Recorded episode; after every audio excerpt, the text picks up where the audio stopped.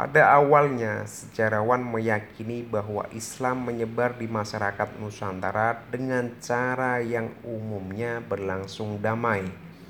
Dan dari abad ke-14 sampai akhir abad ke-19, Nusantara melihat hampir tidak ada aktivitas misionaris muslim terorganisir. Namun klaim ini kemudian dibantah oleh temuan sejarawan bahwa, bahwa beberapa bagian dari Jawa seperti suku Sunda di Jawa Barat dan kerajaan Majapahit di Jawa Timur ditaklukkan oleh Muslim Jawa dari Kesultanan Demak.